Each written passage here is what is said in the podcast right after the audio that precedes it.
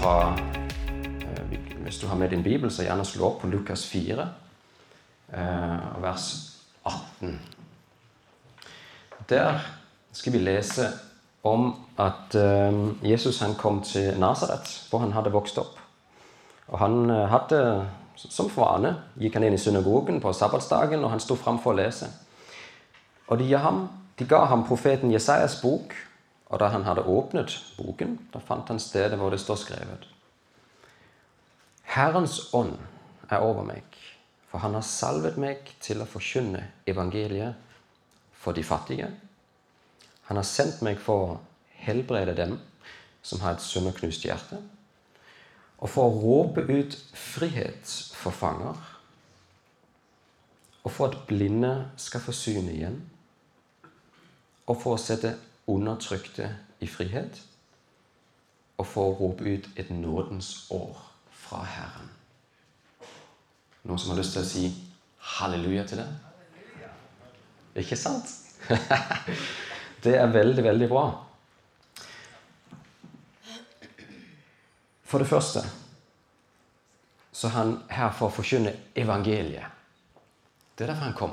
Det, her, det var helt begynnelsen. Jesus han var blitt døpt i vann. Han har blitt åndelig ut i ørkenen. Han har blitt fristet av djevelen og overvendt han. Den løgnen som djevelen kom, med sannheten fra Guds ord. Han kom tilbake, og så begynte han sin tjeneste. Og så var det her en av de første tingene han gjorde. Han gikk inn i kirka, i tempelet, og så leste han disse ordene her. Det er derfor jeg er kommet. For å forkynne gode nyheter. For å råpe ut og si 'Her er det gode nyheter'. Men hvem er de her gode nyheter for? Er det bare for en, en liten gruppe mennesker? Er det bare for de som bodde i Israel på det tidspunktet? Israelittene trodde kanskje yes, nå skal vi bli fri fra romerne. Men hvem var det egentlig for?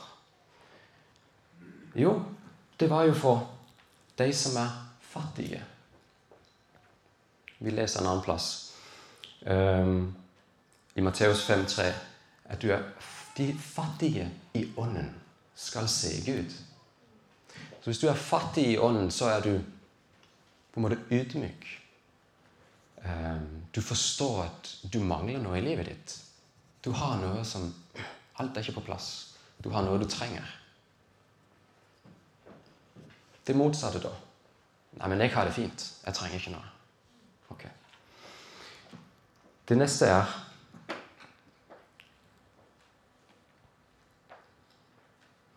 um, ja, til å forkynne evangeliet for de fattige. Og de fattige det er jo de som kjenner i sitt hjerte at um, Jeg leser videre først. Han har jo sendt meg til å helbrede dem som har et sønderknust hjerte. Er ditt hjerte knust? Kanskje pga. noe du har opplevd i fortiden din. Noen forventninger du ikke fikk utfridd. Eller er ditt hjerte knust over dine synder? Du har et synderknust hjerte. Ditt hjerte er knust fordi at ah, ja, jeg har gjort det, og jeg vet jeg ikke får det til. Og jeg vet at jeg burde gjøre det, men har ikke gjort det.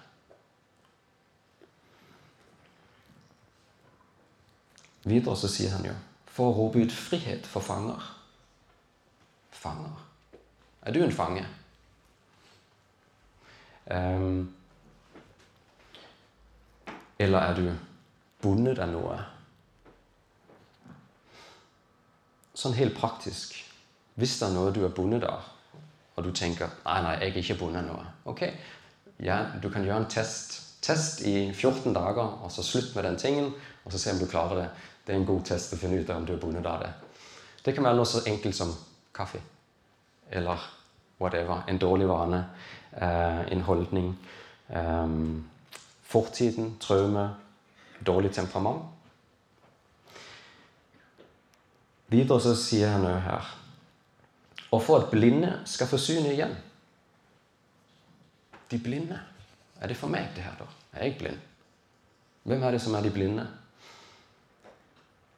I um, 2. Korinther 4-4 så ser vi um, at um, Paulus snakker litt om det.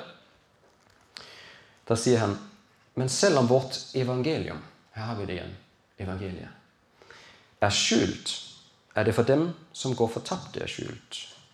De vantro, altså de som ennå ikke tror. For de har fått sine sinn forblendet. De klarer ikke å se det. Av denne tidsalderens gud, altså djevelen. For at ikke lyset fra herlighetens evangelium om Kristus, som er Guds bilde, skal skinne for dem.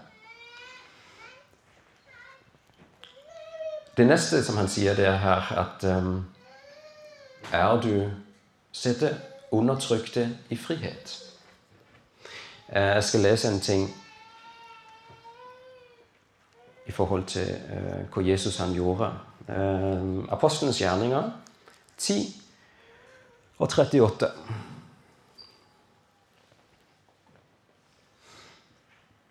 Der står det sånn her Hvordan Gud salvet Jesus fra Nasaret med Den hellige ånd og med kraft. Han som gikk omkring og gjorde godt og helbredet alle som var Hva tror dere det står der? Ikke si det hvis du har lest i Bibelen, men hvor tror du? Tror du det er de som var syke? Fordi det vet vi. Men her står det faktisk at som var undertrykt av djevelen. For Gud var med han. Gud var med Jesus. Hvordan kan du være undertrykt av djevelen, da?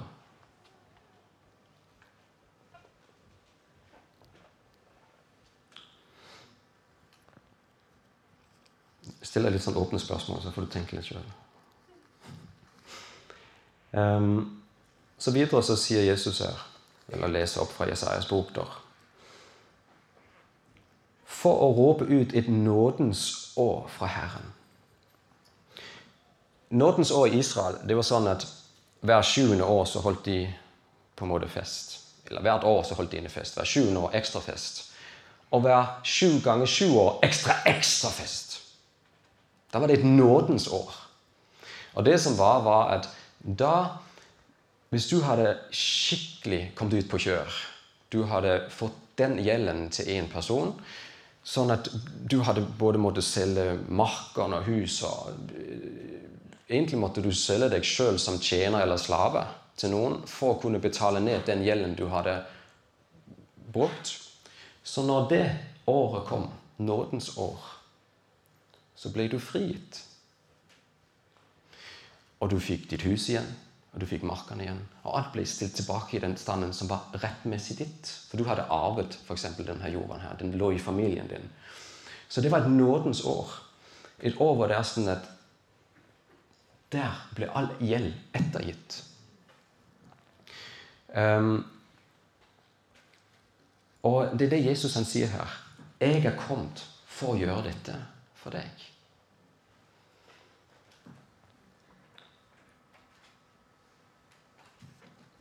Så spørsmålet her, helt praktisk Hva kan du være fri fra, da? Hva er det du kan få lov å bli fri fra? Jo, du kan få lov å bli fri fra frykt, ifra depresjon, ifra angst, ifra andre tanker som djevelen undertrykker deg med, som vi leste om. Um, menneskefrykt. Du kan bli fri fra sykdom fysisk i kroppen din. Du kan bli fri fra um, følelse av skyld. Ah, 'Jeg gjør ikke Det jeg gjør, det er ikke godt nok.' Eller 'det jeg har gjort, det burde jeg ikke ha gjort.' Eller skam. 'Jeg er ikke god nok.' Jeg burde være bedre til det og det. Jeg som person er strekker ikke til. Du kan bli fri fra en frykt av ikke vite hvor du skal hen etter dette livet her. Um, jeg sjøl har opplevd i de siste årene at um, at um, mitt på en måte eh, Du kan si det sånn at eh, de nære som er rundt meg, de vet best hvem du er, og dine svake plasser i, livet ditt. Og de vet akkurat hvor de skal trykke for at det er sånn at f.eks. temperamentet kommer opp, eller at du blir lei deg eh, for noe. Um, så når nesten de ofte krangler, spesielt i ekteskap, så finner vi ut at å ja, den knappen her, den kan jeg trykke på. Um, og så sender vi den andre i grus. Um, og så de her knappene her vi har der i livet vårt, hvor f.eks. jeg opplevde Du kan ikke si sånn imot meg, liksom. Fordi det gjør at jeg blir lei meg, eller det gjør at sånn og sånn.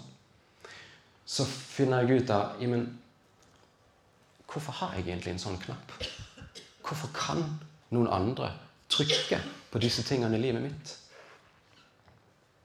Sånn at jeg enten blir lei meg, deprimert, går og leker meg i sengen og har ikke lyst til å stå opp. Um, hvorfor har jeg de her knappene her? På samme måte som jeg kan få et sår på hånda mi, og um, hvis det er noen som kommer borti det, så ah! Så dytter vi andre vekk. På samme måte kan vi få sår her inne pga. det som vi har opplevd i livet vårt. Enten pga. én en enkel episode, og så har vi kobla sammen en løgn med den episoden. Jeg kan aldri være trygg. På grunn av jeg opplevde det. Jeg kan aldri stole på noen igjen. På grunn av det. Jeg er alene i livet og må klare meg sjøl. Men er det sant? Er det sannheten? Nei, det er egentlig ikke det. Men det er blitt sant for deg og meg. Sånn at når jeg opplevde å bli såra, så var det jo egentlig fordi at jeg hadde et sår fra før som ikke var blitt levd. Fordi at jeg hadde levd et liv med en løgn i mitt liv hvor det var sånn at du er alene. Du må klare livet på egen hånd. Eller du er ikke intelligent. Du er dum. Du får det ikke til. Så Eller at når eh, noen som er nær meg, er sint på meg, så satte jeg likhetstegn med at de sa 'Jeg elsker deg ikke'.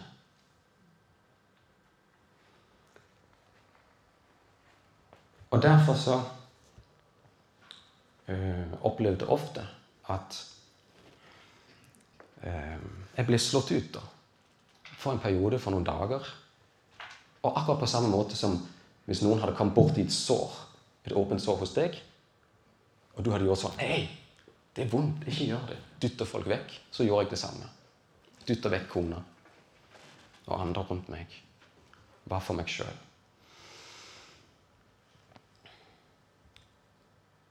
Så hva gjør vi med det såret her fra fortiden? Og den løgnen som er kobla med? Jesus han sier, 'Jeg er kommet for å sette fanger i frihet'. Jeg er kommet for å lege og helbrede de som er undertrykte av djevelen. Djevelens våpen og eneste våpen er løgnen. Men han er veldig flink. Og han og hans demoner har fulgt deg hele livet. De vet akkurat hvilken knapp de skal trykke på. Og de vet visst akkurat hvilken knapp de skal trykke på meg. Der ser du ingen liker deg. Der ser du du er alene i verden. Der ser du. Eller kanskje på denne måten her heller. En tanke. Jeg er alene. Tanke. Jeg er ikke god nok. En tanke jeg får det aldri til. Men er det det Guds ord sier om oss? Nei, det er jo ikke det. Så det er løgnen her som blir planta i oss helt fra vi var små. Og så har vi forsøkt å leve livet uavhengig av Gud. Vi prøver å, da, å lage denne muren her rundt oss, sånn at andre folk ikke skal komme inn og prikke borti det såret vi har. Så kanskje sier vi ikke helt sannheten. Jo, men det, jo, det er sånn. Ja, sånn cirka. Eller vi på en måte holder folk på avstand. Eller så videre. Det finnes millionervis av forskjellige festningsverker som vi mennesker har satt opp. Fordi det finnes millionervis av mennesker. Og festningsverker vi har satt opp for å beskytte oss sjøl, det kan være på en måte denne Bildet på denne type bandasjen du har fått satt på, setter du på hjertet ditt, for du vil ikke bli såra. Men egentlig der, da sier vi da, idet vi gjør det, så sier vi Jeg stoler ikke helt på Gud. Jeg tror ikke helt på Gud. Hvorfor ikke det? Jo, fordi hvis du hadde stolt på Gud, så hadde du, så hadde du stolt på at han er bare god. Han vil deg bare godt. Han vil helbrede deg. Så Gud Dette her føler jeg Da er du 100% ærlig med Gud i stedet for. Så sier du, Gud, jeg ble kjempelei meg. Fordi den og den personen sa det og det. Kom og helbred mitt sårede hjerte. Jeg velger å tilgi den personen for det de gjorde. Og hvorfor kan jeg gjøre det? Jo, fordi Jesus, mens du, mens du hang på korset, så sa du 'tilgi dem'. Mens folk slo deg, så sa du 'tilgi dem'. Mens de piska deg, så kunne du si 'tilgi dem'. Og vi er blitt befalt til å tilgi. Jesus sier 'tilgi'. Og en god pappa hadde aldri bedt sitt barn om å gjøre noe som de ikke var i stand til å gjøre. Så derfor så er det mulig for oss å velge å tilgi. Ja, det som er blitt gjort mot deg, det er 100% urettferdig. Og de fortjener ikke tilgivelse. Men det gjør du ikke heller. Det er bare pga. Jesus at du fortjener tilgivelse for det du har gjort. Og det er det som er gleden. At vi er blitt tilgitt. Og når vi opplever at Wow! Jeg er en synder som har gjort Jeg har løyet, jeg har stjålet, jeg har hatt hat i hjertet mot andre folk. Dvs. Si jeg har myrdet de i hjertet mitt. Jeg har hatt seksuelle tanker om andre folk, så dvs. Si jeg har bedrevet H i hjertet mitt. Jeg har vært misunnelig. Jeg har vært sjalu. Gud, jeg har gjort gale ting. Tilgi meg for det. Og han vil gjøre det. Han vil tilgi deg. Du fortjener det ikke.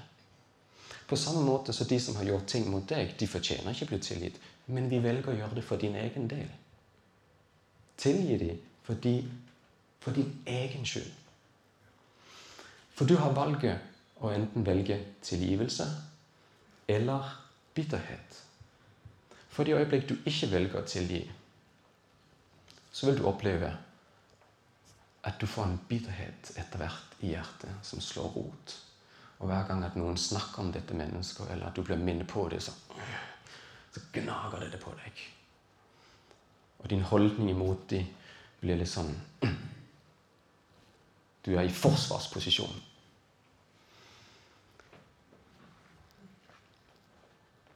Men Jesus har kommet for å sette deg fri fra det. Fra bitterhet, fra stolthet for han vil at du skal leve et liv i frihet og ikke bundet av løgnen i livet ditt. Hvordan tror du du blir fri? Skal vi be Jesus sett meg fri? Det er jo en god bønn. Men hva mer vil vi Jesus skal gjøre enn det han allerede har gjort? Hva mer kan Gud gjøre enn det han allerede har gjort? Ved å ha sendt Jesus Kristus til allerede å dø for alt i livet ditt.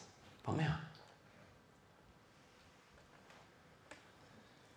Forestill deg du har et sjakkbrett her oppe.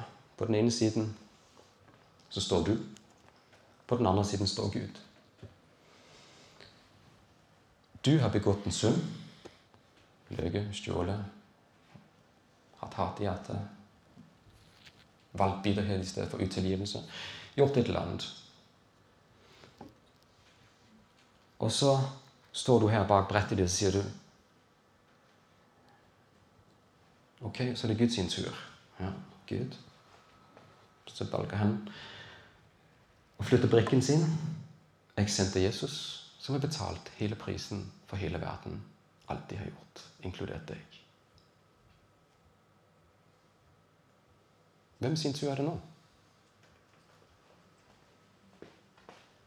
Jo, det er din tur. Så kan du stå her bak og si 'Jesus, Gud, redd meg ut av situasjonen. Gjør noe. Hjelp meg til det her.' Har du glemt å se hva jeg har gjort? Jeg har flyttet brikken min. Nå er det opp til deg. Ok. Så hva er denne brikken her du må gjøre for å flytte? Hva skal vi gjøre?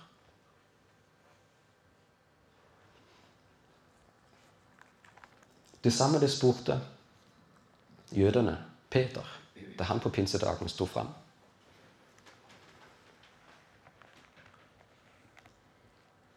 Apostens gjerninger 2, 38.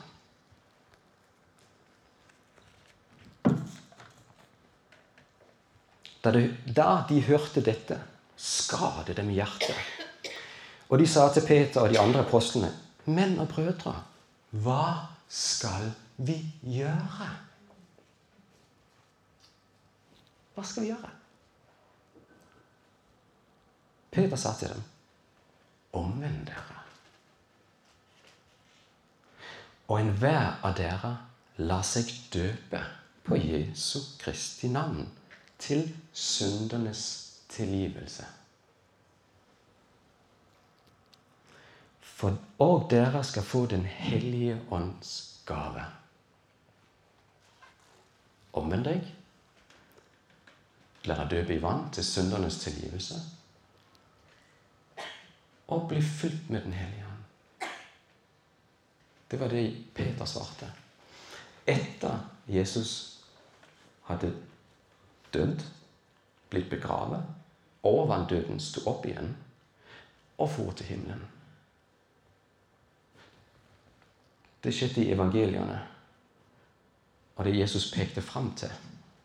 Så egentlig Apostelens gjerninger den boken vi må lese, som gjelder for de som ennå ikke har tatt imot Jesus etter Jesus han døde og betalte prisen på korset. Så vi må se veldig mye i Apostelens gjerninger, som er på en måte historieboken for hva gjør ennå ikke troende for nettopp å bli født på ny? Jo, dette gjør vi, som Peter sa.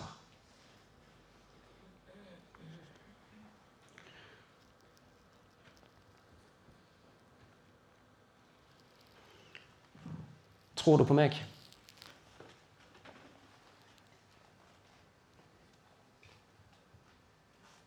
Tror du på meg? Ja? Okay. Tror du på meg? Nei? Tror du på meg? Ok, du tror. Mm. Tror du på meg? Ja? Det er noen som er litt i tvil, fordi det er egentlig et rart spørsmål. Det er noen som sier ja, og det er egentlig det samme som um, Her er en sjekk, fyll sjøl ut beløpet. Ikke sant? Fordi Hva mener jeg når jeg spør hva tror, tror du på meg? Fordi Da må du stille et motspørsmål. Ja, hva, hva, hva, er det du sier? Hva, jeg, hva, er det du sier jeg skal tro på? For å tro på meg som en person, da, da må du tro på det jeg sier. ikke sant? Si, så det har vært litt av Tror du på at jeg en gang har Når jeg reiste i Amazonas jungel ble bitt til blods av en krokodille. Tror du på meg? Nei? Tror du på meg? Nei? Tror du på meg? Nei. Tror du på meg? Ja. For det er sant. Men heldigvis var det en så stor krokodille. Men det sa jeg jo ingenting om. Spørsmålet er når folk spør deg da tror du på Jesus, og du sier ja Ok. Men hvordan kan du si ja, da, til det at du tror på en person, når du ikke kan tro på meg? Du kan bare tro på det jeg sier. På samme måte så må vi jo forholde oss til Jesus. Å tro på han betyr å tro på det han sier. Å tro i Bibelen handler egentlig om å tro på det Gud har sagt allerede er sant, er sant. Det er å tro. For hvis vi tror på noe annet, så blir det diffust. Så blir det luft. Det blir ikke håndterbart.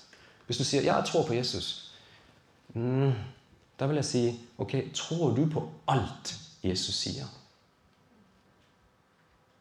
Ja. Eller 'jeg har lest litt av Bibelen, men ikke hele'. Ok, men da må du lese hele Bibelen. Da må du lese alt Jesus sier, hvis du skal tro på ham. Og hans sine apostler, hans sine folk som fulgte etter ham. Jesus er ordet.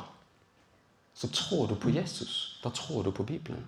Da tror du på at når Peter han sier 'omvend dere', la dere døpe i vann til syndernes tilgivelse og bli fylt av Den hellige ånd, da tror du på det.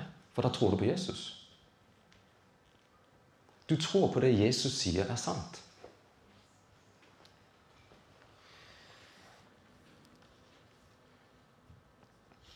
Vil du vite hva du tror på i dag? Har du lyst til å vite hva du tror på? Det er veldig enkelt, egentlig, å vite hva det er du tror på. Det er egentlig bare Det du gjør, og det du sier, avslører hva du tror på. Hvis du går dagen igjennom og sier ah, det faller til noe, da er det det du tror på. For dine ord har avslørt hva som er her inne, hva du tror på. Hva du er overbevist om. Så hør på dine egne ord, for de vil avsløre deg hva du tror på. Hvis du går rundt og sier ja, 'Dette har jeg aldri prøvd før', men jeg får sikkert det til fordi med Gud er ingenting umulig. Så er det det som bor her inne. ikke sant? Så både det du sier og det du gjør, dine handlinger, avslører hva du tror på. Så legg merke til det i livet ditt i den kommende uke. Hva er det du sier? Og hva er det du gjør? For det avslører hva du tror på. Å tro på Jesus er ikke et eller annet diffus ting. Det er faktisk å tro på det han sier allerede er sant, er sant. Amen. Så bra.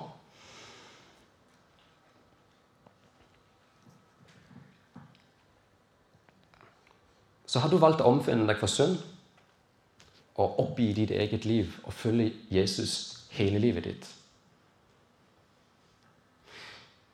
Da er du egentlig en hellig person. Du er gått fra å være en fiende av Gud til å være en venn av Gud.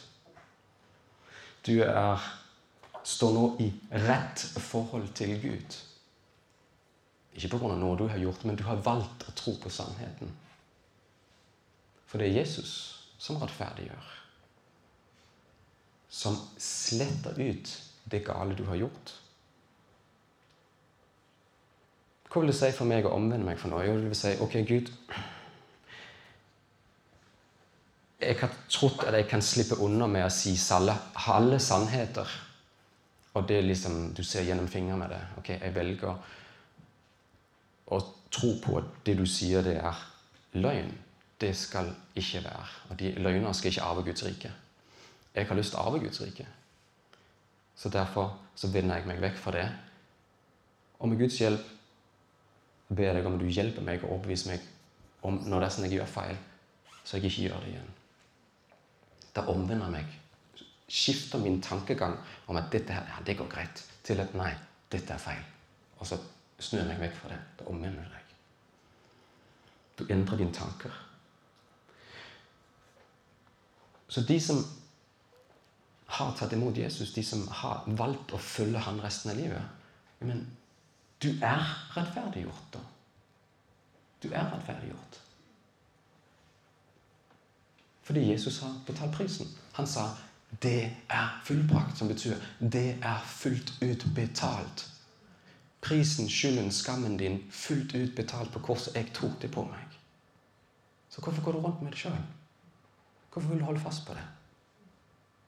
Jesus har kalt deg til frihet fra de tingene. Så lev i den friheten han har for deg.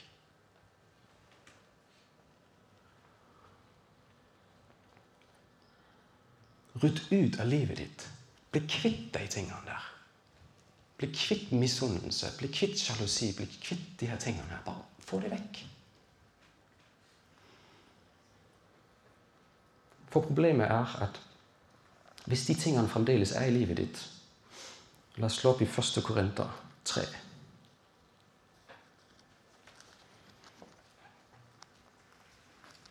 Og jeg, brødre, kunne ikke tale til dere som til åndelige, men bare som til kjødelige. Som til småbarn i Kristus. Jeg ga dere melk og ikke fast føde, for dere var ennå ikke i stand til å ta imot det. Du kan være i en posisjon av du er ikke i stand til å ta imot det.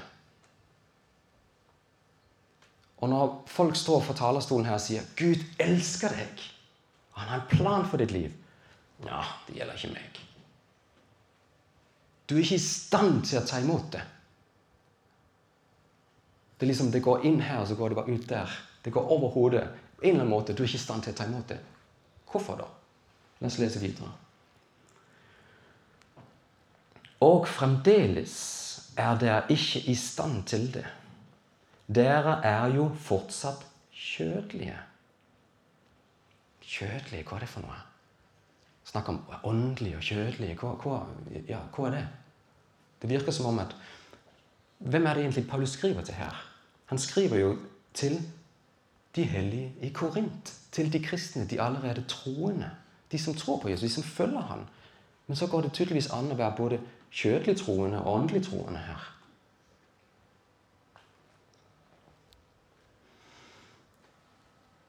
For når det er misunnelse, strid, splittelse imellom dere, er dere da ikke kjødelige og lever på menneskelig vis? Misunnelse er et av de ti bud, ikke sant? Um, strid, splittelse, her nevner han noen av de tingene. Hvis vi tar i Galaterne 5,16,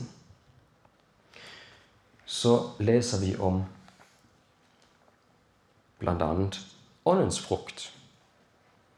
Men vi leser òg om de motsatte åndens frukt.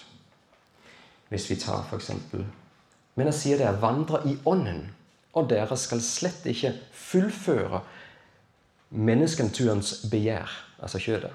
For menneskenaturen lyster imot ånden, og ånden imot menneskenaturen. Og disse står imot hverandre for at dere ikke skal gjøre de tingene dere vil. Men hvis dere blir drevet av Ånden, da er dere ikke under loven. Menneskenaturens gjerninger er åpenbare. De er ekteskapsbrudd, hor, urenhet, skamløs utukt, avgudsdyrkelse, trolldom, hat, stridigheter, Stridigheter, hva er det? Jo, krangling med ektefellen din. En, en av tingene, f.eks. Um,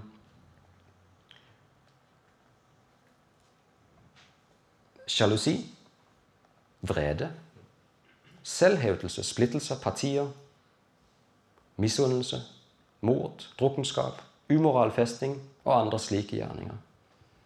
Om disse gjerninger sier jeg dere nå på forhånd slik som jeg også sa til dere tidligere, at de som gjør slikt, skal ikke arve Guds rike.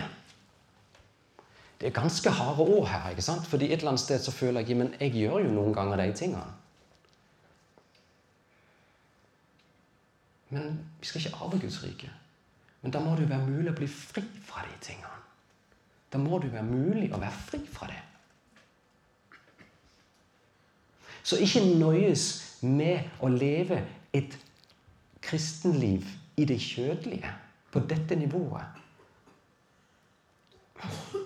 Ikke nøys deg med det, For det er mer å hente.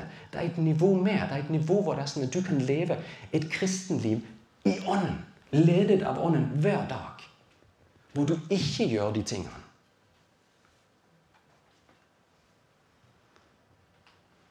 Og det jeg har opplevd i mitt liv, det er nøkkelen her er at jeg omvender meg for alle de tingene. Og blir fylt av Den hellige ånd. Blir dødt i vann og blir fylt av Den hellige ånd. Til å få kraft til å leve hver dag i åndens ledelse. Hvis du sier et eller annet sint til meg, så kan jeg velge å si Ja, men du sa sånn og sånn og sånn. Ikke sant? Eller jeg kan velge å si Å ja, syns du det om meg? Ja, det var leit å høre at du syns jeg er en idiot, og at det jeg står og sier her, det har ingen mening. Jeg kan svare kjærlig og mildt tilbake i enhver situasjon. Men jeg kan ikke det hvis jeg har et sår her inne, og det er sånn, hvis noen trykker på det sånn Så gjør jeg sånn for å beskytte meg sjøl. Det går ikke. Du må be Jesus om å helbrede ditt sårede hjerte. Så må du omvende fra tingene, så må du be Jesus om å helbrede ditt sårede hjerte. For videre så står det men åndens frukt er kjærlighet. Det er glede, det er fred, det er langmodighet eller tålmodighet, vennlighet, godhet, trofasthet, saktmodighet, selvtukt eller selvbeherskelse.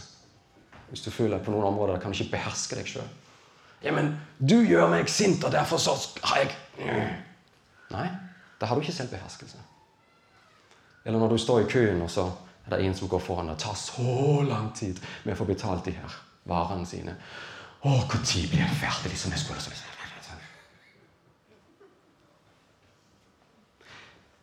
Da ser du hva som er her inne. Og da er det litt sånn en rød varselslampe til deg. Ok, kanskje jeg trenger å be Den hellige ånd om å få helbrede mitt hjerte. Gud, du har kontroll. Uansett. Og det som er viktigst i livet, er ikke at jeg skal få komme meg herfra til dertil på kortest mulig tid.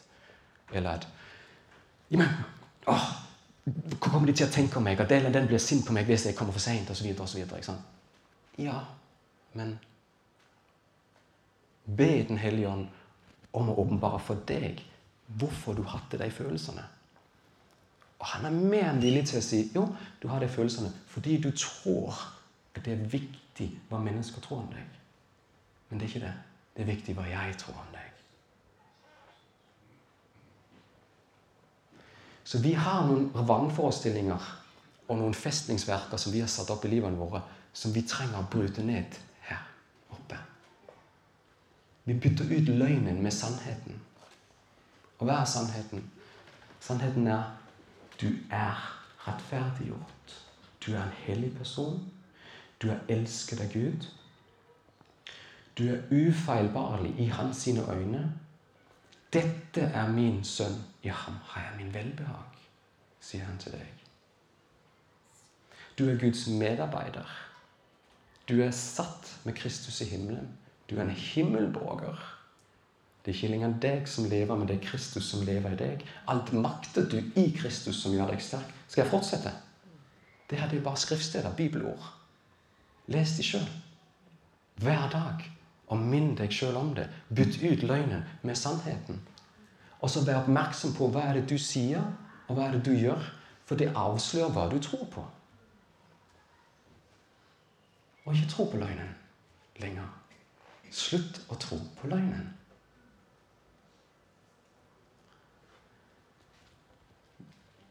Tro på sannheten, og sannheten skal sette dere fri. Jesus er sannheten. Jesus, hans ord, er sannheten. Tro på Jesus, det betyr tro på hans ord. Tro på hans ord om deg. Ok? Da kan du i enhver situasjon velge å leve i ånden. Ha en åndens fruktreaksjon til det som kaster imot deg. For det handler ikke om dine omstendigheter, det handler om hva som foregår her på innsiden. Omstendigheter har ingenting å si. Du kan fremdeles være den personen Gud har skapt deg til å være, uavhengig av hva andre folk gjør mot deg. Spør sjøl deg som har vært i konsentrasjonsleir. hvordan de fremdeles kan være glade og ha tak i Guds eh, Fremdeles tro på Gud etter de har vært der. Og Jeg tror ikke du har det like verst som en som har vært der under annen verdenskrig, f.eks. Så omstendighetene har ingenting å si. Og det at du sier 'du gjør meg sånn' eller 'du gjør meg sånn', det er en løgn. Det Stemmer ikke.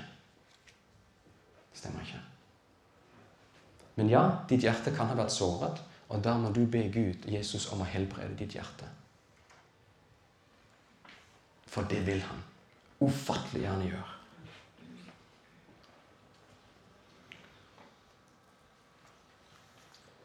Det er Jesus som rettferdiggjør, var overskriften. Men egentlig så er sannheten at det er Jesus som har rettferdiggjort. Det er ikke mer han kan gjøre nå. Valget ditt. La oss reise oss opp og prise Gud litt.